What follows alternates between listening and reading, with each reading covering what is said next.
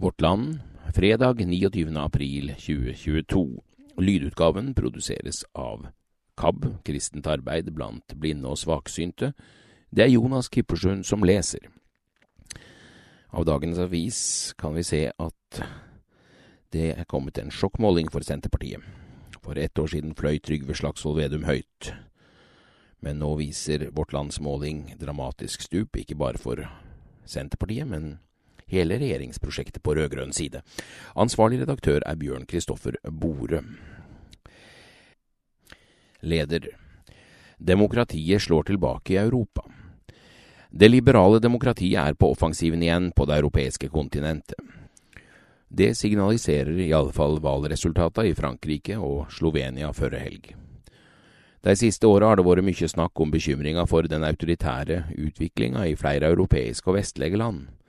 I land der demokratiet har stått sterkt etter andre verdenskrigen og etter Berlinmurens fall, har det vært flere angrep på, rettsstatsprinsipp, mediefridom og demokratiske verdier. I land som Polen, Ungarn, Tsjekkia og Slovenia har vi sett det mest. Også de høyrepopulistiske bølgene i Storbritannia under brexit og ved valget av Trump som amerikansk president har bekymra mange. Krigen som vendepunkt. Det kan hende krigen i Ukraina ble et vendepunkt i denne utviklinga. I alle fall ble ikke Putin venn og høyrepopulisten Marine Le Pen ny president i Frankrike. Derimot vant Emmanuel Macron en ny periode med et program som tydelig sto fast på de sentrale demokratiske verdiene. En trenger ikke like Macrons politikk. I Slovenia ble valget òg en siger for det liberale demokratiet. Der gikk den høyrepopulistiske statsministeren Janis Jansa på et valgnederlag som markerte slutten på det kritikerne mener er flere år med undergraving av demokratiet i landet. Jansa har vært en nær alliert med den ungarske statsministeren Viktor Orban. Den nye slovenske statsministeren Robert Golob sier at valgsigeren gjør det mulig for han å ta Slovenia tilbake til friheten vern om verdier. Tidligere i april vant Viktor Orban attvalg som statsminister i Ungarn, noe som gjorde at flere frykta at den autoritære utviklinga i Ungarn ville holde fram med uforminska styrke. Det positive er likevel at den tette alliansen Ungarn har hatt med Polen, den retts, der rettsstaten, pressefridommen og demokratiet òg er under press, ser ut til å slå sprekker på grunn av krigen i Ukraina. Polakkene har ei langt mer kritisk blikk på Russland og landets krigføring i Ukraina enn den ungarske regjeringa har. På den måten har krigen i Ukraina bidratt til et forsterka søkelys på hva verdier europeiske land ønsker å verne om. Det er derfor grunn til å håpe at styrkinga og vernet av de grunnleggende demokratiske verdiene som rettsstat, pressefridom og demokratisk pluralisme også holder fram i tida som kjem. Kommentaren er ved journalist Morten Marius Larsen. Når klesvask og Gud konkurrerer. Mange av deltakerne på The Send vil ta utfordringen om å gå all in for Jesus på alvor. Desto viktigere blir det å gi en nyansert framstilling av hva et slikt liv innebærer. Som ung student kunne ingen anklage meg for å være et ordensmenneske iallfall ikke hvis de kastet et gløtt inn på soverommet mitt. En dag da jeg plukket ned nyvaskede klær fra tørkesnora for å stude raskt inn i skapet, var det en tanke som slo meg. Er dette noe Gud vil at jeg skal bruke mye tid på? Eller bør jeg få klesvasken raskt unna, sånn at jeg kan løpe ned i kirka for å gjøre meg nyttig der? Ikke at sekundene jeg sparte ved å krølle og stappe klærne inn i skapet istedenfor å brette dem, ville utgjøre en så stor forskjell et annet sted, eller at jeg forventet en direkte beskjed fra Gud om hvordan husarbeid skulle utføres, men noe viktig ble satt på spissen i spørsmålet. Jeg ville leve for en større hensikt, og som kristen var det naturlig for meg å tenke at hensikten jeg burde innrette livet mitt etter, handlet om kirke og misjon. Men hva da med alle de ordinære delene av hverdagslivet mitt, slik som klesvask og matlaging, arbeid, hvile og fritidsaktiviteter? Burde de nedprioriteres til fordel for viktigere oppgaver?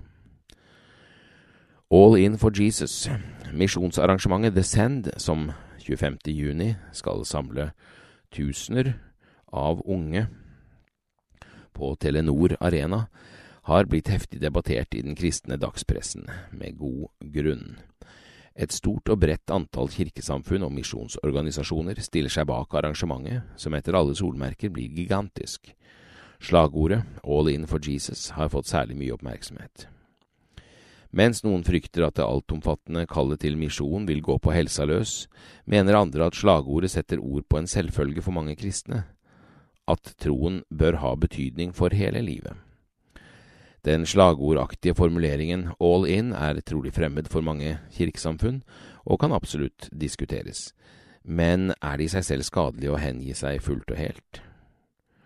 Det kommer selvsagt an på hva man hengir seg til, og hva det går på bekostning av. Et vesentlig spørsmål i denne sammenheng vil være hvilket bilde tegnes av hensikt med livet man lever som kristen? Syn på misjonen hvis man skal gå teologisk til verks, handler dette til dels om hvilket syn man har på misjon. I offentligheten har konseptet misjon fått en negativ klang, muligens fordi man ser på fortidens misjonsarbeid som en form for kulturimperialisme, og fordi misjon ofte sidestilles med forsøk på å overbevise andre om troen sin.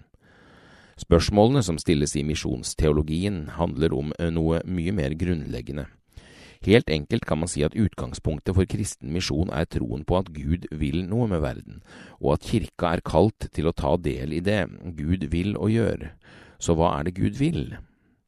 Hvis man tenker at det eneste Gud vil er at mennesker skal bli frelst for evigheten, blir synet på kirkas oppdrag tilsvarende. Hensikten med alt man gjør, blir å lede mennesker til tro. Når man som enkeltperson går all in med en slik oppfatning, blir det meningsløst å bruke tid på noe som ikke tjener formålet direkte eller indirekte. Håndballen kuttes gjerne ut til fordel for lovsangstjeneste i kirka, eh, med mindre man rettferdiggjør det med å si at man vil være et lys der ute, og klesvasken stappes raskt inn i skapet. Denne karikaturen treffer imidlertid dårlig på mange av de norske kirkene og misjonsorganisasjonene som står bak The Send, som ser ut til å tenke bredere om misjon. Et bredere syn. Et godt uttrykk for en bredere misjonsforståelse finner man i den norske læreboken Missiologi, en innføring. I forordet skriver redaktørene Den kristne kirke er spredt utover hele jorden for å forkynne evangeliet for alle folkeslag, ha omsorg for syke, svake og sultne og for å fremme Guds rikes verdier, slik som rettferdighet, fred og omsorg for skaperverket. Jeg tror denne formuleringen er representativ for mange kirker og misjonsorganisasjoner her til lands. Selv om man vektlegger viktigheten av å forkynne evangeliet til mennesker, reduseres ikke misjonen til dette alene. Gud har omsorg for hele skaperverket, og alle sider ved menneskers liv. Derfor bør kirka også ha det. Da Jesus sa Elsk din neste, var det neppe ment som en metode for å drive effektiv evangelisering, men fordi kjærlighet har en verdi i seg selv. En helhetlig forståelse åpner for at langt flere oppgaver kan ses som en del av Guds misjon. Men hva med klesvasken? Er den bare et nødvendig onde på siden av livets egentlige hensikt? Skapelsesteologi Problemet til enkelte radikale bevegelser er at de har behandlet Jesu misjonsbefaling som om den oppsummerer hele meningen med livet for kristne. Men i Bibelen fikk mennesket mening lenge før Jesus ba sine nærmeste gå ut i hele verden og gjøre disipler. Det skjedde allerede i skapelsen. I nyere teologi og forkynnelse om misjon har man vært opptatt av å se det kristne oppdraget i lys av hele Bibelens fortelling, fra skapelse til nyskapelse. Det er viktig, både fordi det forteller noe om Guds hensikt med skapelsen, men også fordi det kaster et annet lys over det ordinære menneskelivet. For hvis Gud skapte mennesket i sitt bilde, er det å være menneske godt i seg selv. Det å leve som menneske i Guds verden blir en del av selve hensikten, ikke noe som konkurrerer med den. Jeg tror mange av dem som møter opp på Telenor Arena, vil ta utfordringen om å gå all in for Jesus på alvor. De vil prioritere tiden sin og ressursene sine ut fra, at, ut fra det de oppfatter som Guds hensikt med livene sine. Desto viktigere blir det at de involverte aktørene gir en god og nyansert framstilling av hva et slikt liv innebærer. Over til nyheter. Venstresidens seier knust, Solberg-partnere i flertall. Gallup. Sp dumper til farlig lave 5,5% og Erna Solberg kunne gjort comeback som statsminister. Den nye meningsmålingen viser sjokktall over hele fjøla. På Norstats ferske aprilmåling for Vårt Land ville en trio av Høyre, Frp og Venstre hatt regjeringsflertall alene. Det skyldes mye at Frp bykser fram over tre prosentpoeng til høye 14,3. Høyre holder seg stabilt høyt med 28,3 prosentpoeng. For Senterpartiet gjør en ny smell krisen større. Partiet er nå bare 1,5 prosentpoeng over sperregrensen. I mars i fjor målte Norstat Sp til 20,5 Nå er Sps fall det store dramaet i norsk politikk, sier valgforsker Bernt Årdal. Stortingsvalget i fjor høst ga Ap, Sp, SV, Rødt og MDG samlet 100 mandater, og det var eh, jubel for en historisk seier for den brede venstresiden. Styrken smuldrer bort. Nå feier velgerne stortingsflertallet bort. Ap synker 1,7 prosentpoeng til oppslutning på 20,9. Sp rykker tilbake fra 6,6% i mars til sifrene 5,5. Det ville gitt Sp bare 11 stortingsrepresentanter mot 28 ved valget. Syv måneder etter valget ville Ap og Senterpartiet sammen fått bare 50 mandater og tapt hele 26. Til sammenligning ville Høyre og Frp fått 77. Laveste siden mai 2016. Valgforsker Bernt Årdal fastslår at vi må tilbake til mai 2016 for å finne lavere oppslutning hos Sp. Det var rett før partileder Trygve Slagsvold Vedum ledet an i den store oppturen. Den er borte nå. De to regjeringspartiene har samlet gått tilbake over 13 prosentpoeng siden valget. De har mistet en tredjedel av velgerne sine. Det må kalles et politisk drama, påpeker valgforskeren ved Institutt for samfunnsforskning. At Senterpartiet klarte å flytte store borgerlige velgergrupper over streken ved valget i fjor, var avgjørende for at det ble regjeringsskifte. Nå er bildet snudd. I sum har 87 000 av Sps velgere flyktet til Høyre og Frp, 20 000 til Rødt. Nær 100 000 av Sps fjorårsvelgere befinner seg på gjerdet. Bare 28% av Sps velgere ville fortsatt stemt på partiet. Kalddusj. Nok en kalddusj, Vedum. Dette er for lavt. Det er en dårlig måling for oss, svarer Sp-lederen når Vårt Land treffer ham i Stortinget. Men det er urolige tider, det slår også inn i meningsmålingen. Det er krig nær oss, og viktigst for oss nå er å styre trygt, bruke mandatet vårt fra velgerne og gjøre det godt for folk i hverdagen. Så får målingene gå opp og ned, sier Vedum. Aps partisekretær Kjersti Stenseng kommenterer tapet av flertall bak Støre-regjeringen slik i en tekstmelding til Vårt Land. Europa står i den største sikkerhetspolitiske krisa siden andre verdenskrig. Det viktigste for regjeringa nå er trygg styring i en utrygg tid. Jeg opplever at folk har tillit til dette arbeidet, samtidig som de har høye forventninger til regjeringa. Høyre henter 100 000.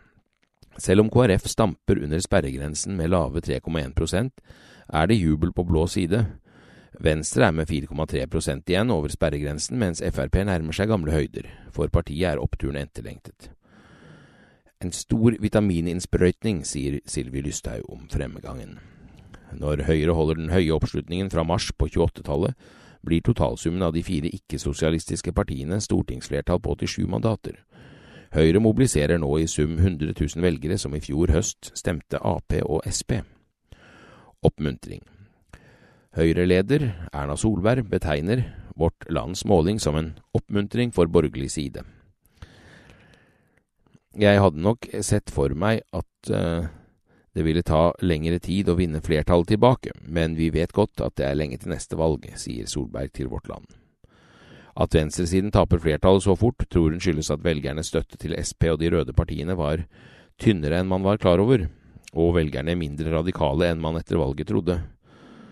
At man etter valget kunne surfe på kritikk, er ikke nok til å få, også få, å få tillit videre, sier hun. Solberg KrF må med. Solberg forklarer de sterke tallene for Høyre og ikke-sosialistisk side med at partiet har fått markert et alternativ til den sittende regjeringen. Det er stabilitet og trygghet i de krisene vi står i. Vi har også stilt opp, for, opp mye for regjeringen. For oss er det en balanse mellom å vise et alternativ og det å stille opp. Dessuten må man konsentrere seg om det viktigste, noe alle disse reverseringene fra Sp jo ikke er, sier hun. Det borgerlige flertallet på målingen bærer også uten KrFs to representanter. For Solberg er det ikke aktuelt å bygge samarbeid med bare Frp og Venstre. Jeg håper jo målinger viser et KrF over sperregrensen. Samarbeid med fire partier gir mer stabilitet. Vi jobbet godt med KrF i regjering, og i det lange bildet hører de med. Rødt rollebytte.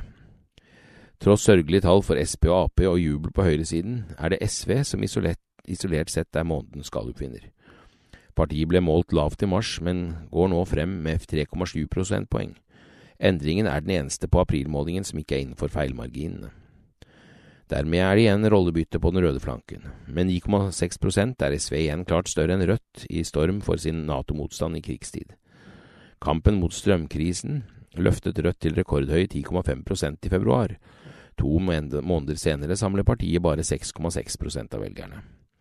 Årdal tror Rødts Nato-profil og debatt rundt koblinger til nettstedet steigan.no tærer på. Rødt kjøles ned og har en markant fallende kurve etter årsskiftet, påpeker han. Landbruksoppgjøret.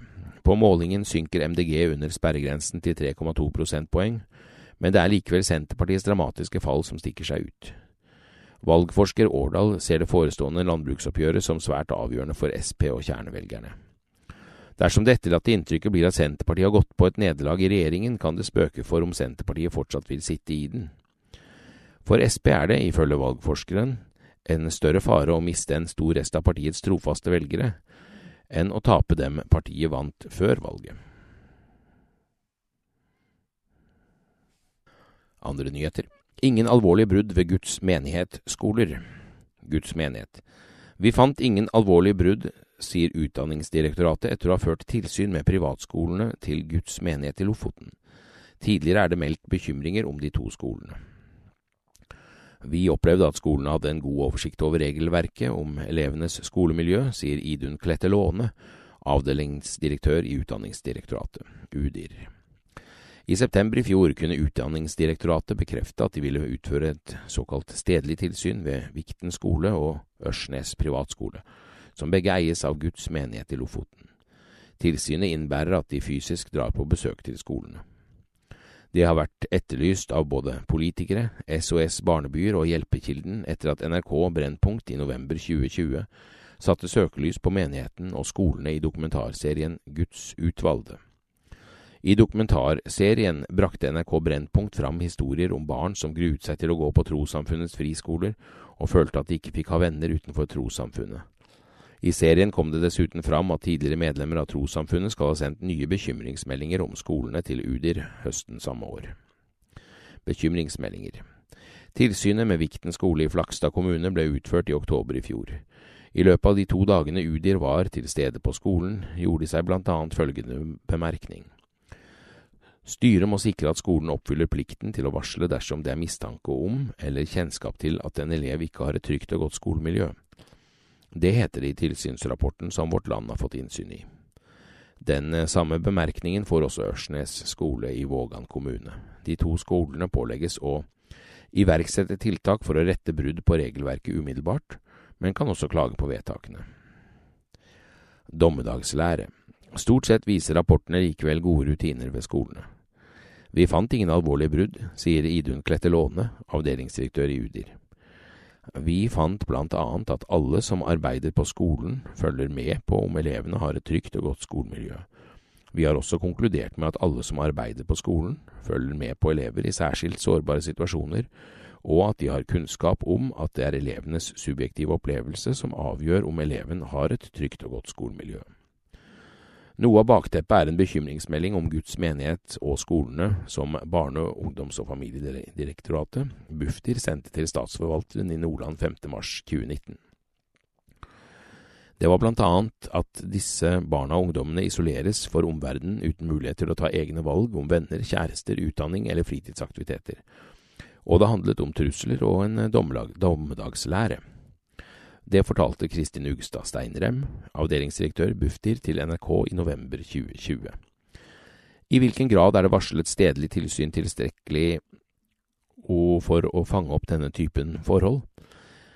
Når vi er på stedlig tilsynsbesøk, ser vi på om skolen følger regelverket på mer, et mer overordnet nivå. Det er statsforvalteren som behandler enkeltsaker om skolemiljø.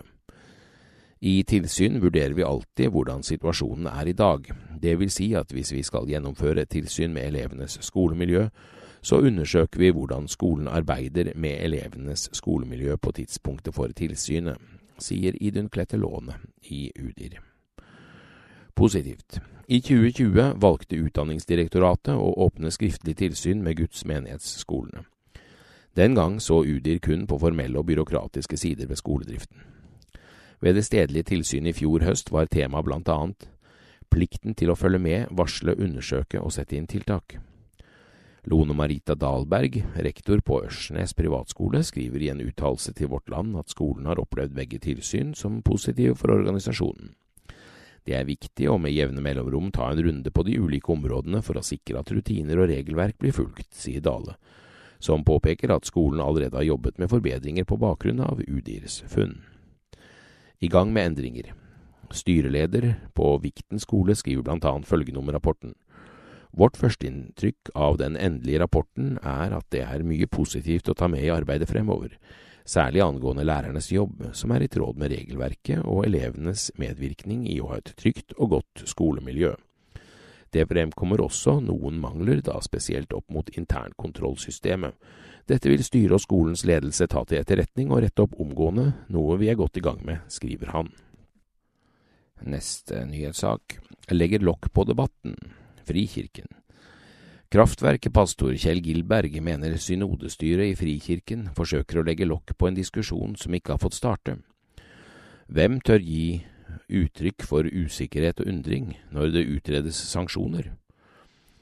Jeg leser dette som et forsøk på å avslutte saken før den har kommet i gang. Det mener jeg er uklokt, og en undervurdering av engasjementet og trøkket i saken. Det sier pastor i Frikirkemenigheten Kraftverket, Kjetil Gilberg, om synodestyrets motforslag til Kraftverkets ønske om å redegjøre for skeives plass i Frikirken.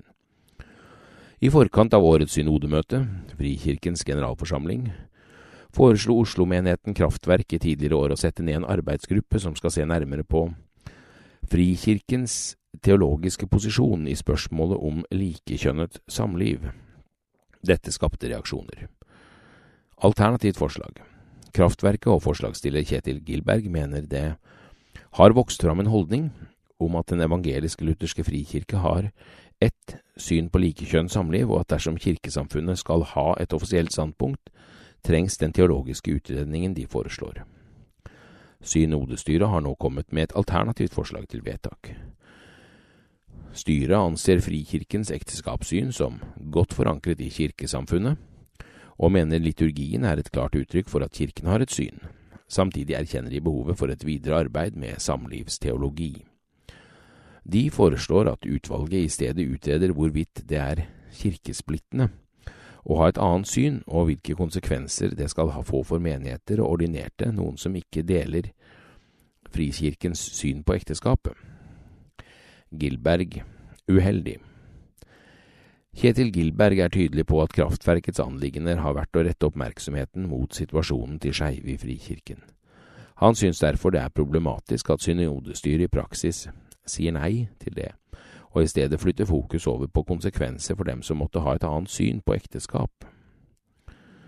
Jeg forstår godt at det er behov for at ledere og forkynnere står for den samme læren, og at det krever en enhet å tilhøre et kirkesamfunn, hvis Frikirken lander på nåværende syn etter en redelig og åpen debatt, vil det være naturlig å diskutere om vi kan leve sammen med ulikt syn.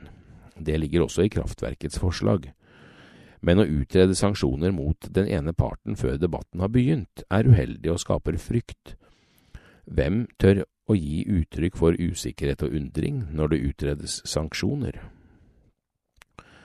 Det er ikke dette kraftverket har bedt synoden om å behandle. Vårt forslag handler om å gå dit det brenner, til de skeives plass i Frikirken og teologien rundt dette. Det er spesifikt og veldig aktuelt. At synodestyret tar til orde for en helhetlig samlivsteologi, synes kraftverket-pastoren er unødvendig bredt og ufarlig. Jeg skjønner ikke helt hva det betyr. Det er sikkert gode intensjoner, men det går ikke dit det brenner. Frikirken må være modig og ikke vedta ulne formuleringer som egentlig ikke tar opp en sak veldig mange er opptatt av. Anne Marie Schiager Toppland, nestformann i synodestyret, vil ikke kommentere kritikken. Jeg stiller ikke til intervju nå, vi lager en redaksjonell sak i Budbæreren og lar drøftingen komme på synodemøtet, skriver hun i en tekstmelding til Vårt Land. Siste nyhet. Fjerde kirkesiktede er erklært tilregnelig. Grimstad. 46-åringen har vært varetektsfengslet i et halvt år. Denne uken ble han fengslet i fire nye uker. Mannen som står siktet for innbrudd, hærverk, likskjending og forsøk på brannstiftelse, er av rettspsykiaterne erklært strafferettslig tilregnelig. I slutten av oktober i fjor tok 46-åringen seg inn i Fjerde kirke og påførte den middelaldergamle steinkirken vesentlige skader. Døpefonten ble delt i tre, teppet revet opp og prekestolen skadet. I tillegg ble flere salmebøker påtegnet. Mannen ble pågrepet 29. oktober og har siden sittet i varetekt. Grunnen er at politiet er redd 46-åringen vil begå flere kriminelle handlinger, og at man har ventet på den sakkyndige rapporten. Mannen, som nå også er siktet for hærverk på sin egen fengselscelle, er nå varetekslet i fire nye uker. Det er Fædrelandsvennen som melder dette. Selvforskyldt rus. Ifølge de sakkyndiges erklæring var mannen i såkalt rusutløst psykose på gjerningstidspunktet.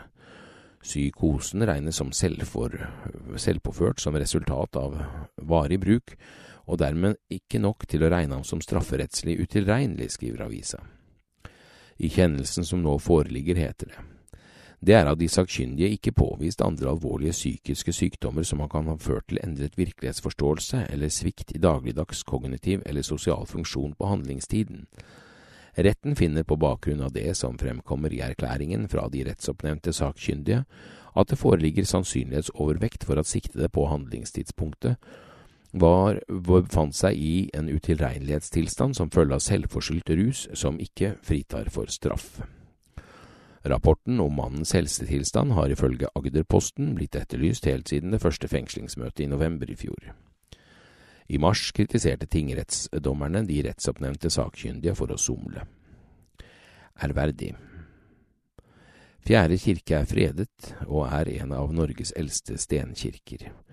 Den ble reist rundt år 1150, og inne i den hvite steinkirken står en døpefond fra 1200-tallet, og i krypten ligger over 400 år gamle mumier. Kirken ble utsatt for betydelige skader, men alarmen gikk aldri av. Det er uvisst om alarmen var ødelagt eller avskrudd. Vi vurderer nytten av alarmen opp mot at den er i veien for ansatte og frivillige. Alarmen i Fjerde kirke skrus på manuelt, men kommer også automatisk på etter hvert dersom det blir glemt, fortalte Paul til Vårt Land i november i fjor. Over halvparten av kirkene i Norge mangler tyverialarm. Det viste KAs kirkekontroll for 2021.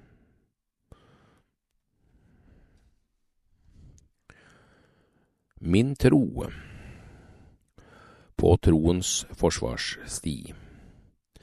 Det var flaut da moren til Lina Adampour, 36, troppet opp på rektors kontor og krevde at barna skulle få være med på skolegudstjeneste. Men det kan ha bidratt til at muslimen i dag tør å snakke så åpent om religion. Lina Adampour skjelver. Hun er elleve år, og den eldre jenta holder et fast grep rundt halsen hennes. Neglene borer seg inn i huden. Selv om mye står på spill, viker hun ikke. Kommer hun på kant med den kule jentegjengen på Grünerløkka, risikerer hun å miste venner. Men de store jentene har kalt lillesøsteren hennes ekkel fordi hun har arr etter vannkopper. I dag er Adam Poor fembarnsmor, kioskeier og nyslått reality-kjendis, og hun er fortsatt storesøsteren til sine fem søsken. Tre av dem er søstre som norske seere har fått blitt kjent med i TV-serien Familien Adampour på NRK. I første sesong av realityserien møter vi bare kvinnen i familien, mor Afsane og søstrene Diana, Mina og Sofia. Og Lina, da. Hun med stråhatten, de ville ideene, hus og svømmebasseng på Gjerdrum. Bassenget har hun aldri brukt, hun har bare vært ute der to ganger for å redde et barn, som hun sier. Inntil nylig var hun hjemme og styrte familiebedriften, men så behøvde søsteren noen som kunne ta over kiosken. Lina Adampour var ikke vond å be. Enkelt å ikke dømme andre. Det knirker i gitteret som går motvillig opp. Et par røde mokasiner, sorte strømpebukser og en satengkjole i dyp burgunder. Og der står Lina Adampour i egen person og ønsker velkommen til Brekkhagen kiosk. Noen minutter tidligere har den sorte Teslaen hennes sørget for en lydløs entré. Hun har småløpt ut av bilen for å introdusere seg selv, mistet solbrillene, plukket de opp fordi en forbipasserende påpekte at hun mistet de, hun har hatt en liten kjennepreken over avisene som ligger på bakken, fordi moren har lært henne å respektere bøker, og hun har forklart at hun vet at aviser ikke er bøker, men likevel, de skal ikke ligge på bakken. Skjønner du, eller? Det er ikke noe rart det går som det går med verden. Nei da, det var bare en spøk, sier hun mens hun løfter opp en stor bunke aviser. Solen har for lengst varmet opp denne høyden nordvest i Oslo, og nå kommer snart kioskens trofaste kunder. Dagens tippekupong skal leveres, postpakker skal hentes, andre kunder skal ha wienerpølser til lunsj, og kaffekverna skal streike. Oppi alt dette skal en fastende muslim fortelle om sin tro, og prioritere det som er viktig. Når jeg klarer å kjenne på hva det er mitt indre ønsker, da klarer jeg også, ut ifra dette genuint, å kjenne på den sulten og de utfordringene som over 2,5 milliarder mennesker kjenner på hver dag. Sult og fattigdom, forklarer hun. Det er siste uken av ramadan. I snart fire uker, 16 til 17 timer om dagen, har Adampour og hundretusenvis av muslimer rundt om i verden gått uten mat og drikke. For Adampour er faste nødvendig for å kjenne dypt på barmhjertighet og empati for dem som ikke har nok mat, og det gir henne ro. Instinktene i meg velger hva som er verdt å bruke energi på. I en ellers hektisk hverdag hvor man ikke kjenner like godt etter, er det ikke like lett. Under faste blir det mye lettere å ta de riktige valgene når alt du vil er å overleve, gå i fred og glede deg til neste glass vann og måltid. Det høres kanskje brutalt ut, men det er en enorm styrke i dette, forklarer hun. Livsveiledning over disk.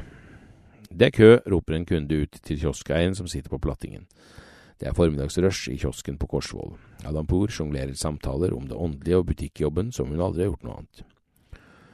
En kunde lurer på hvor Lina tar energien fra.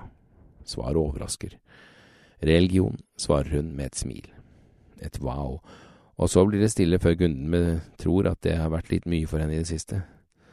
Kjære deg, du er en blomst, trøster Adampour. Lina Adampour vet råd.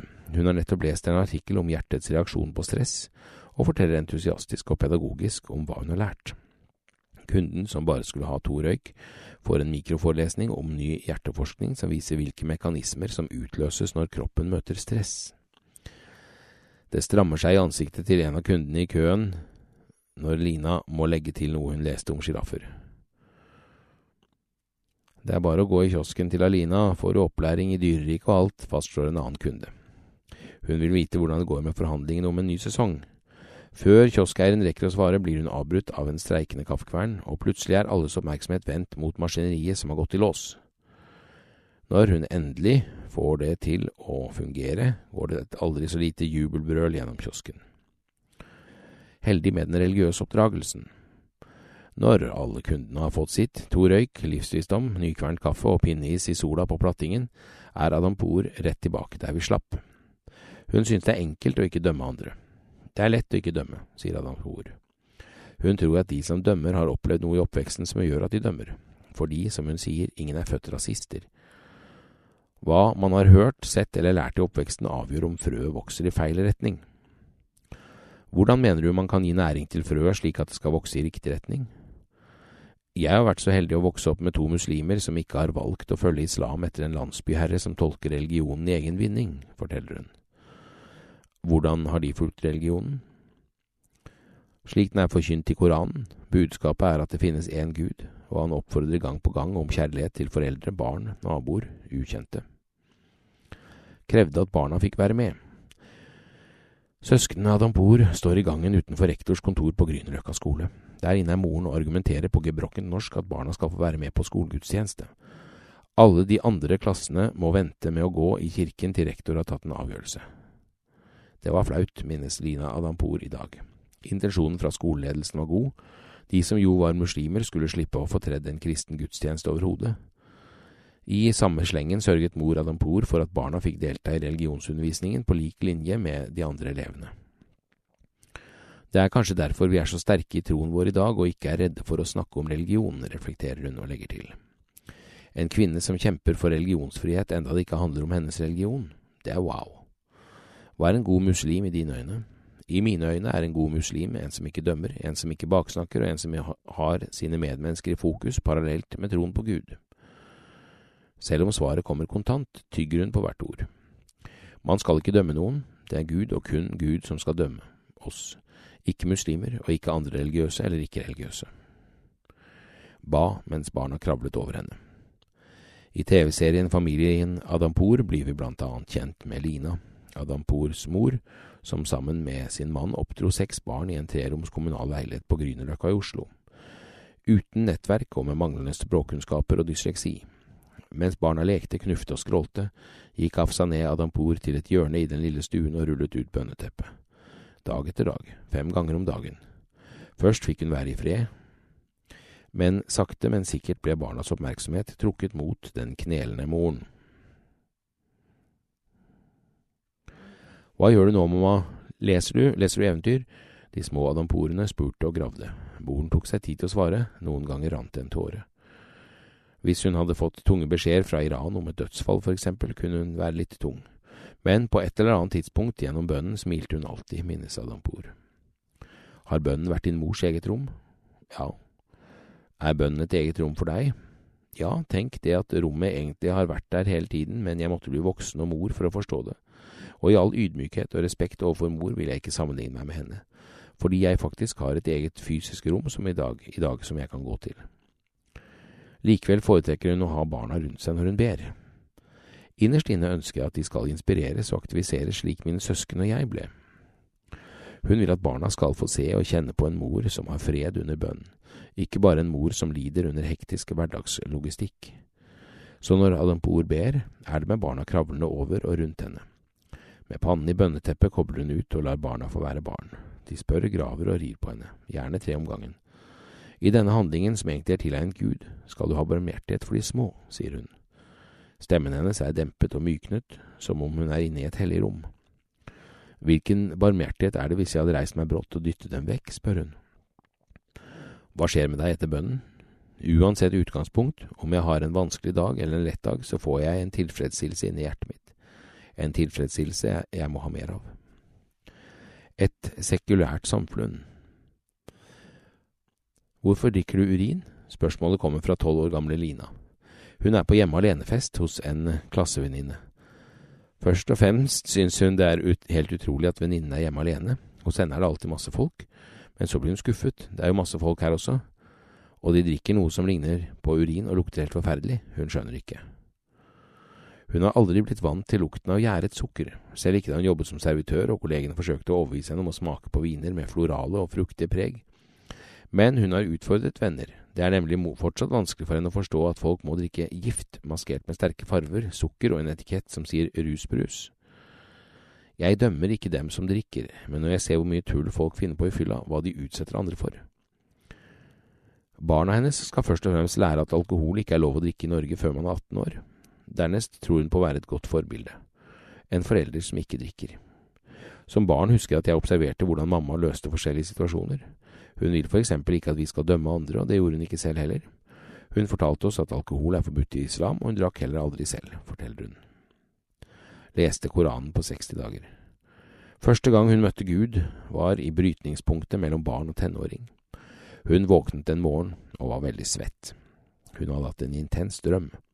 Hun hadde vært inne i Kaba, det hellige steinhuset inne i Mekka, der hvor ingen kommer inn. Selv om jeg hadde fått komme inn der, ville jeg se mer. Så våknet jeg, og den følelsen av å ville se mer kjente jeg på igjen da jeg forlovet meg som 19-åring. Da tok hun en beslutning. De siste fotavtrykkene fra meg i barndomshjemmet skulle være at jeg leste Koranen. Det var 60 dager til bryllupet skulle stå. Hun fant en bok i standard størrelse på nesten 900 sider. Hun delte sidene på antall dager hun hadde igjen å bo hjemme. Så begynte hun å lese og desto nærmere hun kom slutten, desto mer vemodig ble hun. Ettersom boken nærmet seg slutten, ble versene kortere. Jeg ville ikke at dette skulle ta slutt, men jeg skjønte at det skulle det. Da husket hun drømmen. Jeg hadde grått i drømmen. Da kjente jeg på den drømmen og de gudsordene jeg hadde lest. Hun behøvde ikke å se mirakler for å kjenne på kraften fra Gud. Det holdt med det som sto mellom linjene. Jeg fikk den samme følelsen som i drømmen av å ville vite mer, samtidig som jeg kjente på en fred og ro. For meg holdt det. Adampour forklarer at møtet mellom drømmen for nærmere ti år siden og følelsen det ga henne å lese Koranen, var som en, om en sirkel ble sluttet. Men med viten om at det er mer i vente, du må bare fortsette på din sti. Det er da hun kommer på historien om søsteren Mina som ble mobbet for vannkopparene sine. Har ikke du vært syk? Har ikke du en søster som har vært syk? spør Adampour den eldre jenta. Stemmen er rolig og stødig. Jenta slipper taket. I dag undrer hun, kanskje det er hennes sti, å ta andre i forsvar. Fire raske. Gud er herre over jorden og hele universet. Han er inspirasjon og motivasjon for alt hva jeg opplever og ser under denne midlertidige reisen på denne jord som vi kaller livet. Jeg klarer meg ikke uten alle velsignelsene Gud har sendt ned på denne jord for både deg og meg. På gravstenen min skal det stå Ina lilai va ina ilai raihon. Det betyr sannelig tilhører vi Gud, og sannelig til Han skal vi returnere. Boka må alle må lese. Koranen, et sammendrag i 30 deler, av Jorunn Jasmin Oksvold.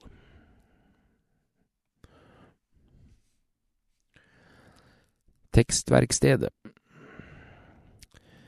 Bibelteksten er hentet fra Markus 6, 30–44. Apostlene samlet seg igjen hos Jesus og fortalte ham om alt de hadde gjort og alt de hadde lært folket, og han sa til dem, Kom med meg til et øde sted hvor vi kan være alene og hvil dere litt, for det var så mange som kom og gikk at de ikke fikk tid til å spise engang. Så dro de ut med båten til et øde sted for å være alene. Men mange så at de dro bort og kjente dem igjen, og fra alle byene strømmet folk sammen til fots og nådde frem før dem. Da Jesus gikk i land, fikk han se en mengde mennesker. Han fikk inderlig medfølelse med dem, for de var som sauer uten gjeter, og han ga seg til å undervise dem om mange ting. Det var nå blitt sent på dagen, og disiplene kom til ham og sa, Stedet er øde, det er alt blitt sent, send dem fra deg så de kan dra til gårdene og landsbyen her omkring og kjøpe mat. Men Jesus svarte, Dere skal gi dem mat. De sa, Skal vi kanskje gå og kjøpe brød for 200 dinarer, så de kan få spise? Hvor mange brød har dere? spurte han. Gå og se etter. Da de hadde gjort det, sa de, fem brød og to fisker. Så sa han at de skulle la alle danne matlag og sette seg i det grønne gresset. Og de slo seg ned, rekke ved rekke, noen på hundre og noen på femti. Så tok han de fem brødene og de to fiskene, løftet blikket mot himmelen og ba takkebønnen, brøt brødene i stykker og ga til disiplene for at de skulle dele ut til folk. De to fiskene delte han også ut til alle, og alle spiste og ble mette. Etterpå samlet de opp tolv fulle kurver med brødstykker og fisk. Det var 5000 menn som hadde spist. Midt mellom før og etter ved Jostein Ørum, forfatter og prest. Om man har en aldri så god plan, må man alltid kunne la seg avbryte. Jesu liv var, så vidt vi vet, ingen ferie. Det var ingen jakt på fritidsopplevelser, heller ikke på selvrealisering slik vi kjenner den. Han og vennene gikk sannsynligvis stadig på kryss og tvers av landet fram og tilbake til mange steder. De byttet hyppig bosteder, dagene var ofte fulle, og det var en kø av folk omkring dem som forventet noe. Fra alle byene strømmet folk sammen til fots og nådde frem før dem. Da Jesus gikk til land, fikk han se en mengde mennesker, skriver Markus. Det var ingen mangel på oppgaver, og lite tyder på at det var et rolig liv.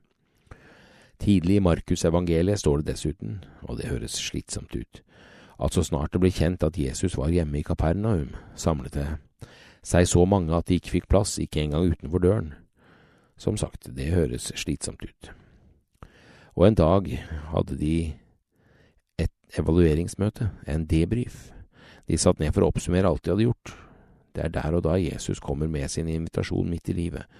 Kom med meg til et øde sted hvor vi kan være alene og hvil dere litt. Jesu venner trekker seg så tilbake med mesteren selv. De dro ut med båten til et øde sted for å være alene. Men det ble med forsøket, for rundt 5000 mann sto og ventet på dem da de la til land. Det er jo ikke det man håper på om man drar for å være alene med Jesus. Det hele varte bare en liten båttur over Genesaretsjøen, for pågangen ble for, før pågangen ble for stor og Jesus, Jesu medfølelse for menneskene igjen tok overhånd. Han fikk inderlig medfølelse med dem, for de var som sauer uten gjeter. Og han fortsatte med å undervise og gjøre en liten matpakke til måltid for usannsynlig mange. Før dette skjer, går det i ett, og etter at dette skjer, går det også i ett. Men akkurat mellom før og etter finnes det ofte en mulighet til å være alene med Jesus og hvile litt på et sted adskilt fra resten av livet. En båttur kan fungere til dette, på samme måte som et retreat-sted, en hytte, en ørken, en lunsjpause. En stue kan brukes til det samme. Den første gangen invitasjonen ble gitt, kan vi altså forsiktig slå fast at resultatet var på en måte mislykket, men de fikk i alle fall litt tid til å hvile med Jesus. Og invitasjonen gjelder fortsatt, midt mellom det som nettopp har skjedd og det som snart skal komme. Det er mange lærdommer å trekke ut av denne fortellingen. La oss prøve med to poenger. For det første finnes det midt i livet alltid en stående invitasjon til å trekke seg tilbake for å hvile med Gud. Dette er alltid nødvendig. For det andre, om man har en aldri så god plan, må man alltid kunne la seg avbryte av medfølelse. Det kan nemlig bli til brød for mange. Over til verdidebatt. Først ut er Kari Mangerud Alfsvåg, biskop i Borg. Kirken må lytte til de undertrykte. Oppgjør. Dessverre har Kirken ofte vært med på å undertrykke og utstøtte mennesker. Det er en stor synd som krever oppgjør med egne feilsteg. Vi spør så ofte med fortvilelse hvor all ondskap kommer fra. Men er det ikke et større mysterium at det ikke tar slutt på godhet? For min tro og teologi er nettopp dette, at Gud er god og evig, grunnleggende for hvordan jeg leser Bibelen og hvordan jeg forstår verden og min plass i den. I Johannes evangeliets første kapittel beskrives det hvordan den treenige Gud er før alle ting, og i poetisk ordlag formidles det at verden ble til av den treenige Guds kjærlighet. På et tidspunkt i historien forente Gud seg med verden i mennesket Jesus Kristus. Gjennom denne dype inkarnasjonen demonstrerte Gud sin totale identifikasjon med alt det skapte. Gud selv deler DNA med skaperverket. Slik mennesker ble til av jord, ble Gud selv jord. I Jesu Kristus uttrykker den treenige Gud sin fulle identifikasjon med og anerkjennelse av det skapte. Jesu lider med alt og alle. Når Jesus blir forfulgt, torturert, sviktet og til slutt drept, deler han skjebne med mange mennesker gjennom historien. Han deler også skjebne med naturen og dyrene. Jesu lider med alt og alle som lider. Derfor er ingen alene i sin lidelse. Derfor er heller ikke naturen og dyrene i den uten Guds medlidelse. Denne grunnleggende kristne forståelsen av Guds medlidende og, med, med, og medlidelse må føre til at Kirken er en kirke som hele tiden lider med, og som har medlidelse med alt og alle som opplever at livet viser seg fra vrangsiden. Derfor kan vi, som vil være Kristi etterfølgere, og som er kalt til å være Kristi kropp i verden, ikke lukke øynene for den urett som rammer mennesker og natur. Guds visjon for verden er at rettferd og fred skal kysse hverandre, miskunn og sannhet møte hverandre. Salme 85, 10. I Den norske kirke er dette formulert i visjonen Mer himmel på jord. Kristi oppstandelse fra de døde er det ultimate tegnet på at urett, ondskap og død ikke skal vinne, men at rettferdighet, godhet og liv igjen og igjen bryter frem, selv om døden fremdeles er høyst reell. Det forstår jeg slik at det ikke finnes noe tema som ikke angår Kirken.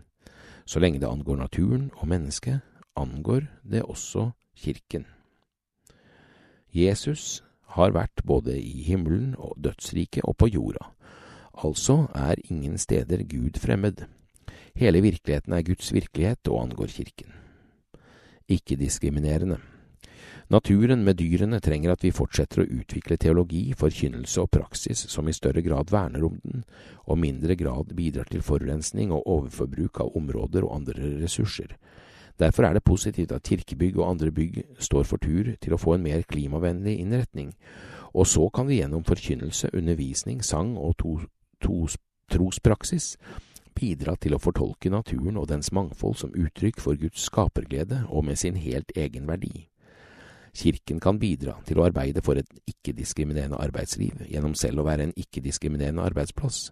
Derfor er det vesentlig at vi i DNK framover arbeider bevisst for at de lønnede stillingene i Kirken bemannes av mennesker med ulik bakgrunn, funksjonsvariasjon, seksuell orientering og kjønnsidentitet. Det samme gjelder for Kirkens folkevalgte. Det må arbeides for at alle medlemmer skal oppleve seg ønsket og valgbare til våre demokratiske organer. Dernest er det nødvendig at vi bidrar til at moderne slaveri blir avslørt og avsluttet. Mennesker som kommer hit til landet fordi de ikke finner håp og fremtidstro der de kommer fra, får ikke jages inn i mørke kroker og bli avhengig av kriminelle for å leve. Mennesker som har vært i landet i årevis fordi det er for farlig å dra herfra, må få identifikasjonspapirer og mulighet til å livnære seg på lovlig og verdig vis. Kirken må fortsette å kjempe for menneskeverd og verdige liv også for flyktninger og asylsøkere. Egne feilsteg. Borgere med funksjonsvariasjoner uttaler stadig at samfunnet er innrettet på måter som gjør at det er vanskelig å delta fullt ut i samfunnslivet. Kirken må fortsette å arbeide for at våre bygg og arrangementer er utformet på måter som gjør dem tilgjengelige for alle. Jeg ønsker å bidra til at Kirken øker sin bevissthet om universell utforming, så alle kan delta og bidra. Kirken bør kunne bli et forbilde for andre samfunnsaktører i dette arbeidet. Dessverre har Kirken ofte vært med på å undertrykke og utstøte mennesker, og det er en stor synd. Derfor må Kirken gjøre det den selv er kalt til å forkynne, leve i daglig omvendelse. Det innebærer å ta oppgjør med egne feilsteg og be om tilgivelse når man ser at en har bidratt til å holde mennesker nede. Kirken må lytte og ta del i samtalene når ulike mennesker forteller om hvordan de har blitt, eller blir undertrykt og ekskludert fra fellesskapet. I disse dager pågår det viktige prosesser for hvor Kirken lytter til erfaringer fra både samer, kvener og mennesker med LHBTQ-identitet. Sannhets- og forsoningsarbeid trenger lang tid, og det må skje på rette premisser. Derfor må Kirken lytte før den handler. Et løft for ungdom i Borg. Unge mennesker har tapt særlig mye i koronatiden. Det viser også koronakommisjonens konklusjoner. Krigen i Ukraina rammer også unge mennesker særlig hardt, spesielt i Ukraina og Russland, som utkommanderte soldater. I vårt eget land fordi denne krigen står i fare for å tappe ungdommene for mot og framtidstro. Ungdataundersøkelsen og SHoT-undersøkelsen viser med tydelighet at ungdommer strever med ensomhet og psykiske helseutfordringer. Vi som er voksne må gjøre hva vi kan for å bidra til gode liv for ungdommene. Derfor ønsker jeg som biskop å ha et særlig blikk for hvordan ungdom ivaretas i kirkene og i lokalsamfunnene, og bidra til økt samarbeid mellom frivillige organisasjoner, offentlige instanser og religiøse aktører i et løft for ungdom i Borg bispedømme. Skal aldri ta slutt.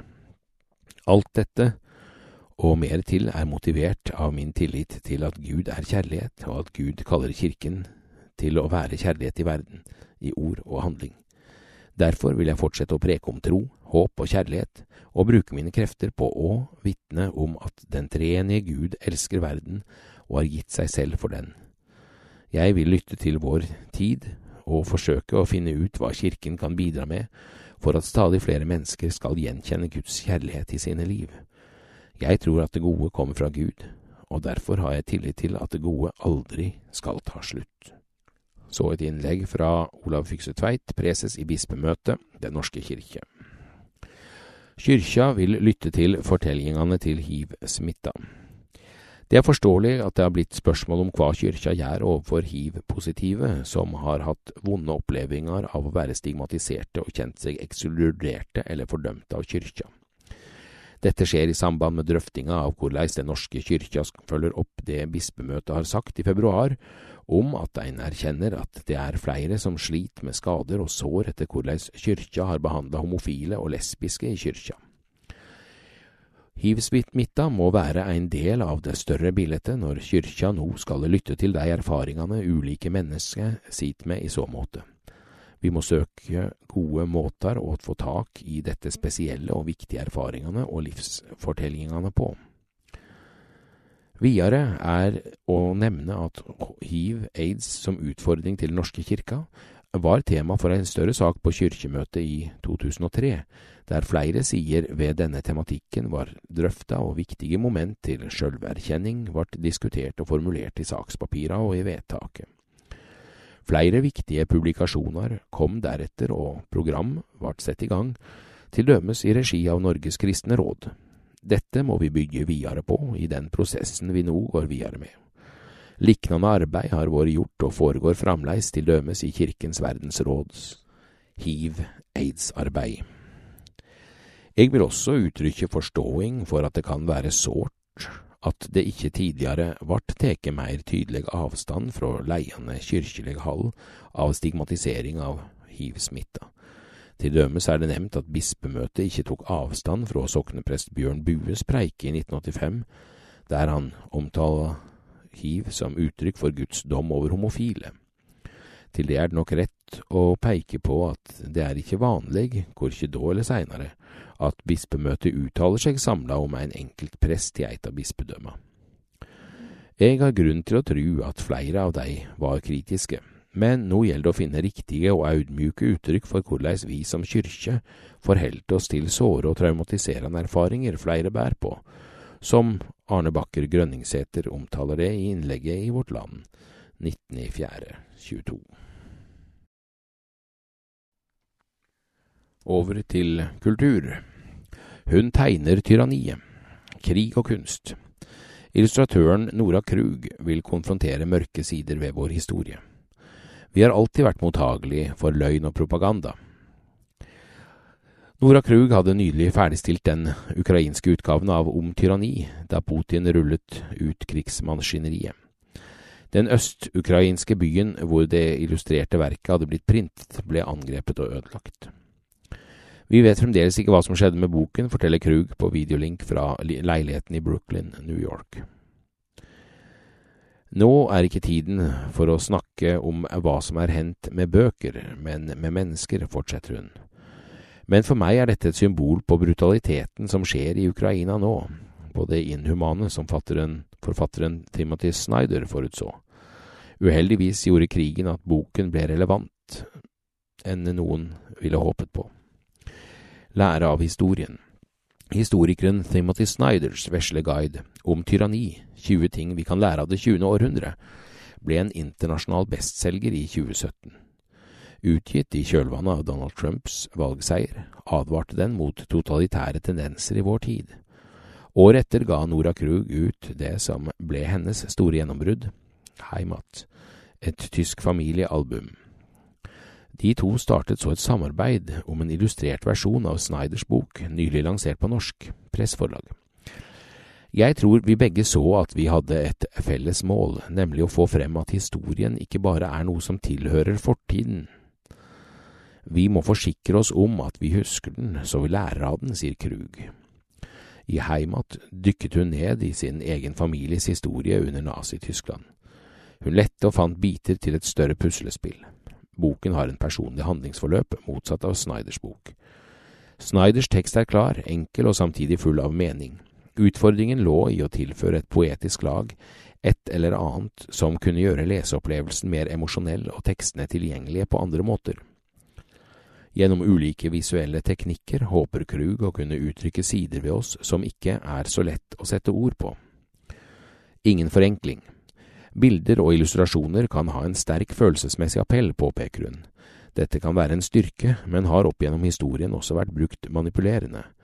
Her har illustratøren et ansvar.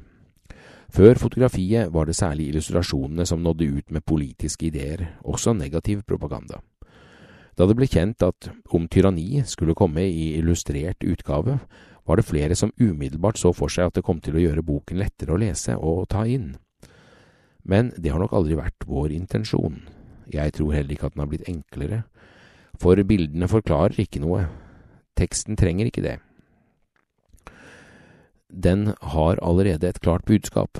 Målet har snarere vært å få leseren til å tenke dypere, bidra til at hun eller han leser saktere, og ser teksten fra flere sider.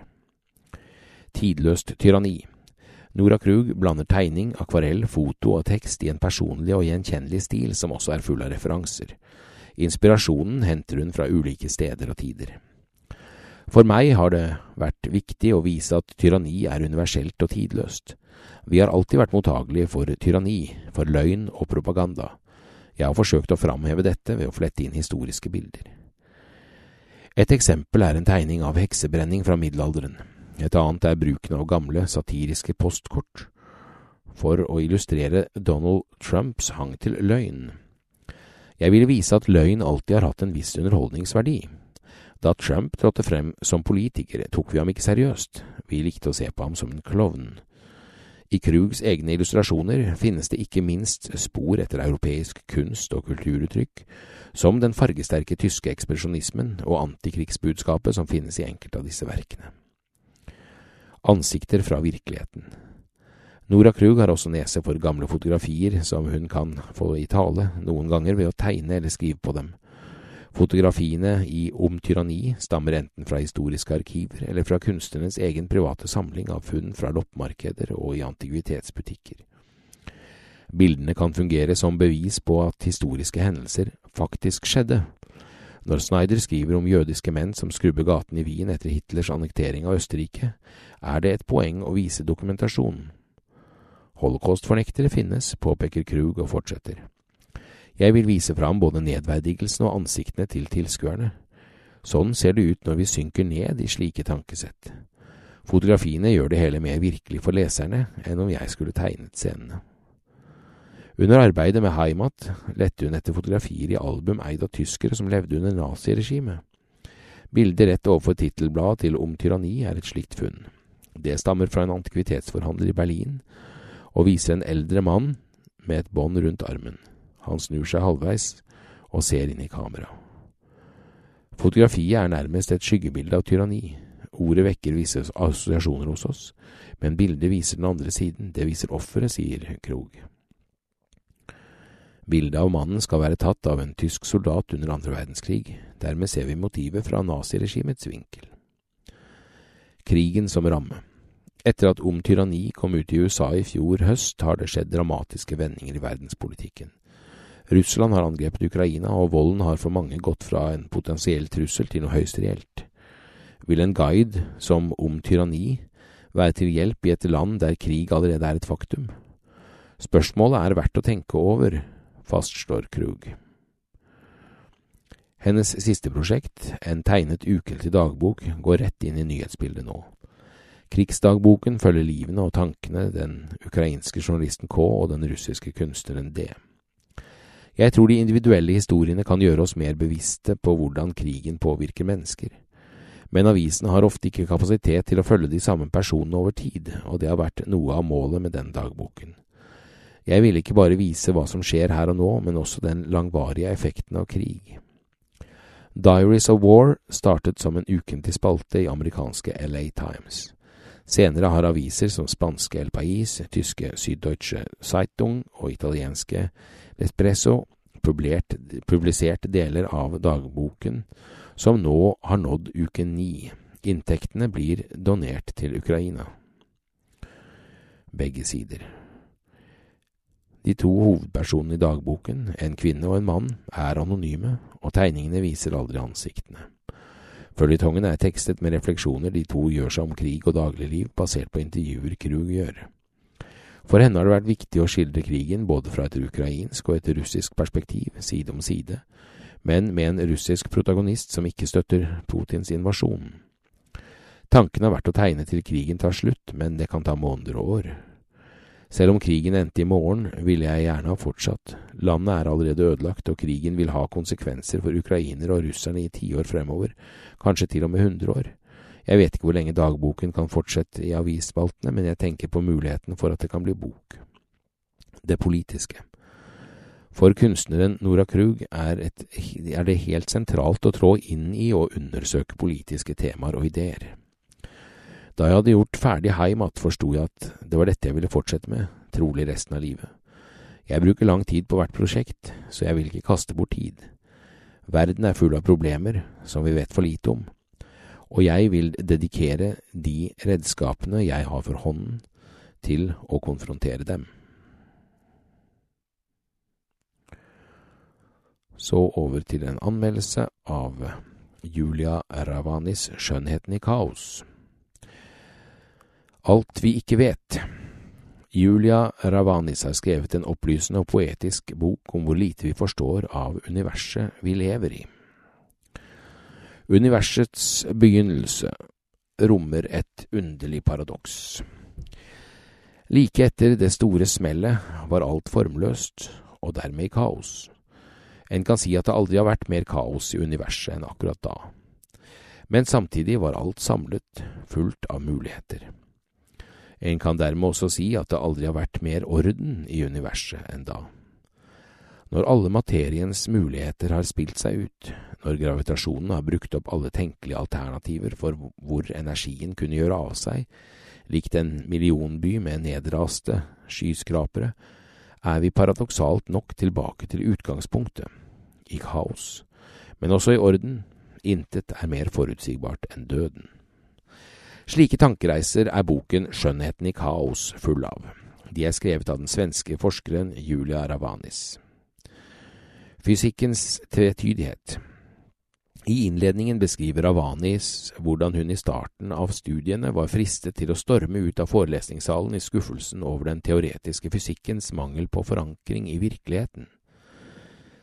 Denne boken er hennes forsøk på å forene det tvetydige ved fysikken med det tvetydige ved det å være menneske. For det er ikke lenger slik man trodde frem til Albert Einsteins relativitetsteori, at alt i universet beveger seg i henhold til fastlagte mønstre, slike som man bare trenger å finne de rette formene for å forutse. Einstein var dette verdensbildets siste portvokter, for med kvantefysikkens inntog på 1920-tallet oppdaget man at de aller minste partiklene oppfører seg helt uforutsigbart. Kanskje ikke så farlig i den store sammenhengen, i målestokken vi trenger for å finne ut av den fysiske verden vi lever i, har ikke kvantepartiklene så stor relevans men uroen og angsten som kvantefysikkens oppdagelser brakte fram, sitter fortsatt i oss. Kvantefysikken gjør det mulig å finne opp teknologi som solceller og mobiltelefoner. Det er bare om å gjøre å ikke tenke mer på hva den faktisk betyr. Det mellommenneskelige. Det er slike ting Ravanis tar opp i boken sin, og mens hun forklarer disse innfløkte fysiske teoriene, tar hun oss samtidig inn i sitt eget følelsesliv. For, som hun skriver, den moderne teoretiske fysikken kan bedre beskrives med mellommenneskelige relasjoner enn med tall og bokstaver. At et elektron kan bevege seg i to motsatte retninger samtidig, eller at noe kan være både en bølge og en partikkel, avhengig av hvordan det blir målt, er ikke så lett å forstå for den som er vant til naturvitenskap som en bekreftelse på at ting forholder seg til faste mønstre. Men det er lett å forstå for den som kjenner at hen både elsker og hater sin kjære. Naturligvis kan bare de aller færreste problemer løses, i beste fall kan man leve med dem. Jo mer jeg lærer om noe, jo mer komplekst virker det, skriver Avanis. Ikke ulikt erkjennelser man gjør seg i mellommenneskelige relasjoner. Ravanis sammenligner usikkerhetsprinsippet, som ble formulert av Werner Heisenberg i 1927, med en novelle av forfatteren Kristen Ropenian. Det er nemlig umulig å observere en partikkel uten å påvirke den, på samme måte som det er umulig å forsøke å definere en relasjon uten å endre den. Å stille spørsmålet er vi sammen? kan løfte forholdet fra en useriøs forbindelse til et stabilt grunnlag for felles framtidsplaner og store kjærlighetsløfter, skriver hun. Gud i kvantefysikken Undertegnere har tidligere lest bøker om kvantefysikk i et åndelig perspektiv. Dette er ikke en slik bok. Ravanis virker kritisk til forsøk på å forklare spirituelle fenomener med kvantefysikk. Hun finner ikke Gud i universet. Men hun finner mysteriet, og det er ikke så langt unna. Et spørsmål jeg alltid plaget meg smell med som barn, foruten det åpenbare, hva fantes før universets begynnelse, er hva finnes på utsiden av universet? Det finnes ikke svar på sånne spørsmål, ikke svar vi med vår logiske hjerne kan forstå, i hvert fall. Å innse det er i seg selv en vei inn i Ravanis bok, der hun beskriver hvordan en menneskekropp ville håndtert å falle inn i et svart hull, hvordan tid og rom oppfører seg i forhold til hverandre på ulike steder i universet, hvordan lyset er det eneste konstante, muligheten for parallelle univers, oppdagelsen av mørk materie og mørk energi. Det er så mye vi ikke vet, og jo mer vi vet, jo mindre forstår vi. Det er svimlende lesning, ydmykende lesning, og det er samtidig fin biografisk skildring av fysikkens mestere som Albert Einstein og hans matematikerkone Mileva Maric, Max Planck, kvinnelige pionerer som Vera Rubin, for et vakkert navn, og en diskusjon om begrep, av begreper som svarte hull og deres potensielle erotiske ladning. Sorte hull, hva betyr det for fysikkspråket at 97% av USAs fysikere i 1973 identifiserte seg som hvite menn, samme år som det ble innledet en debatt som ble kalt Krigen om de svarte hullene? Ravanis skriver syrlig om de hvite fysikkmennenes frykt og fascinasjon for svarte hull, som på mange måter ligner deres frykt og fascinasjon for kvinner. Hun går til angrep på ideen om det naturvitenskapelige geniet, hvordan denne ideen er kjønnet, hvordan kvinner er blitt skjøvet ut i kulden av den mannsdominerte forskerverdenen. Er det derfor fysikkspråket virker besatt av å finne eksakte størrelser? Er det derfor det kan være åpnende også for kvinner og ikke-binære at fysikken viser seg å være langt mer relativ og åpen for tolkning? At den som vil forstå hvor forunderlige verden, vår forunderlige verden like gjerne kan øve seg opp i skrivekunst og psykologi som å pugge matematiske formler? Det var denne tilnærmingen som reddet Julia Ravanis fra å forlate fysikken fullstendig, og det var den som gjorde at hun skrev denne boken. Det skal både forskere og lekfolk, fysikere og lesere være glad for.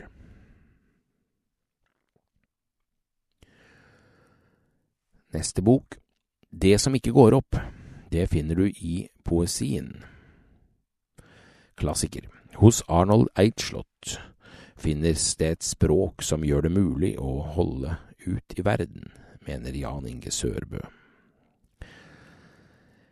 Det er et skrekkens øyeblikk fra andre verdenskrig.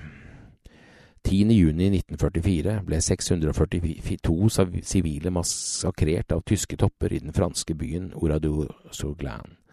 Mennene ble skutt, kvinner og barn brent til døde i landsbykirken. De som forsøkte å flykte, løp rett inn i døden. Og gråten silte ned fra kirketårnet og rullet inn fra åpne havet. Man skjøt med skarpt etter gråten og gikk manngard med store lykter. Men gråten lot seg ikke stanse.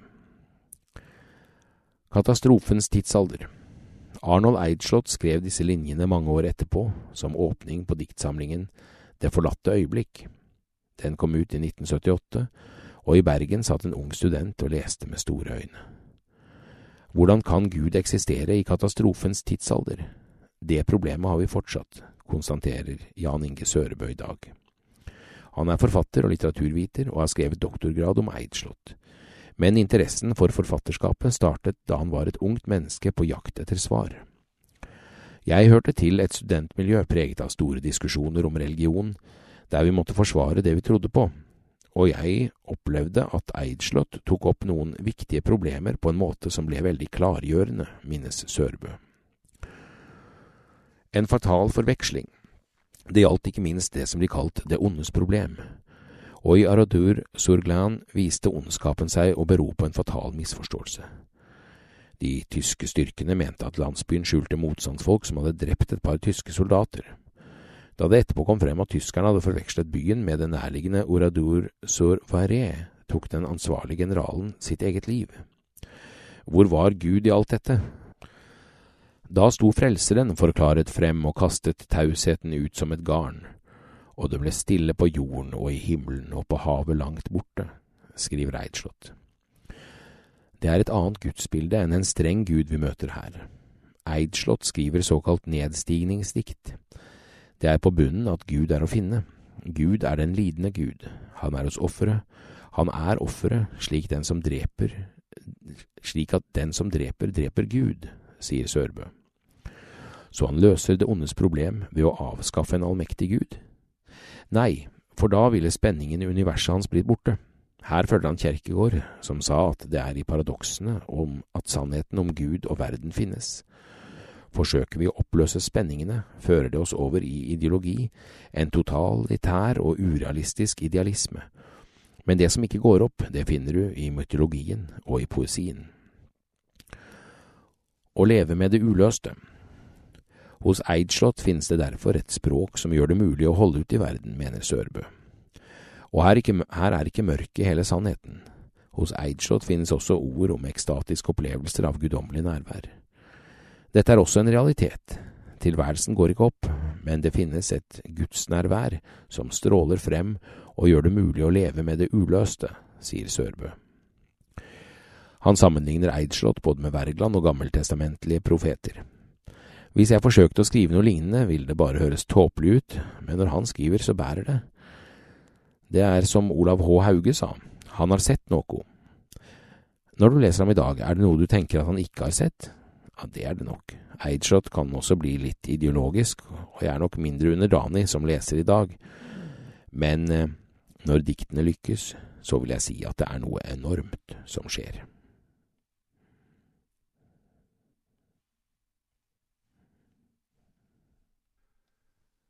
Da gjenstår det bare å ønske dere, som har fulgt denne lydutgaven av Vårt Land, produsert av KAB, Kristent arbeid blant blinde og svaksynte, og lest av Jonas Kippersund, en riktig god dag.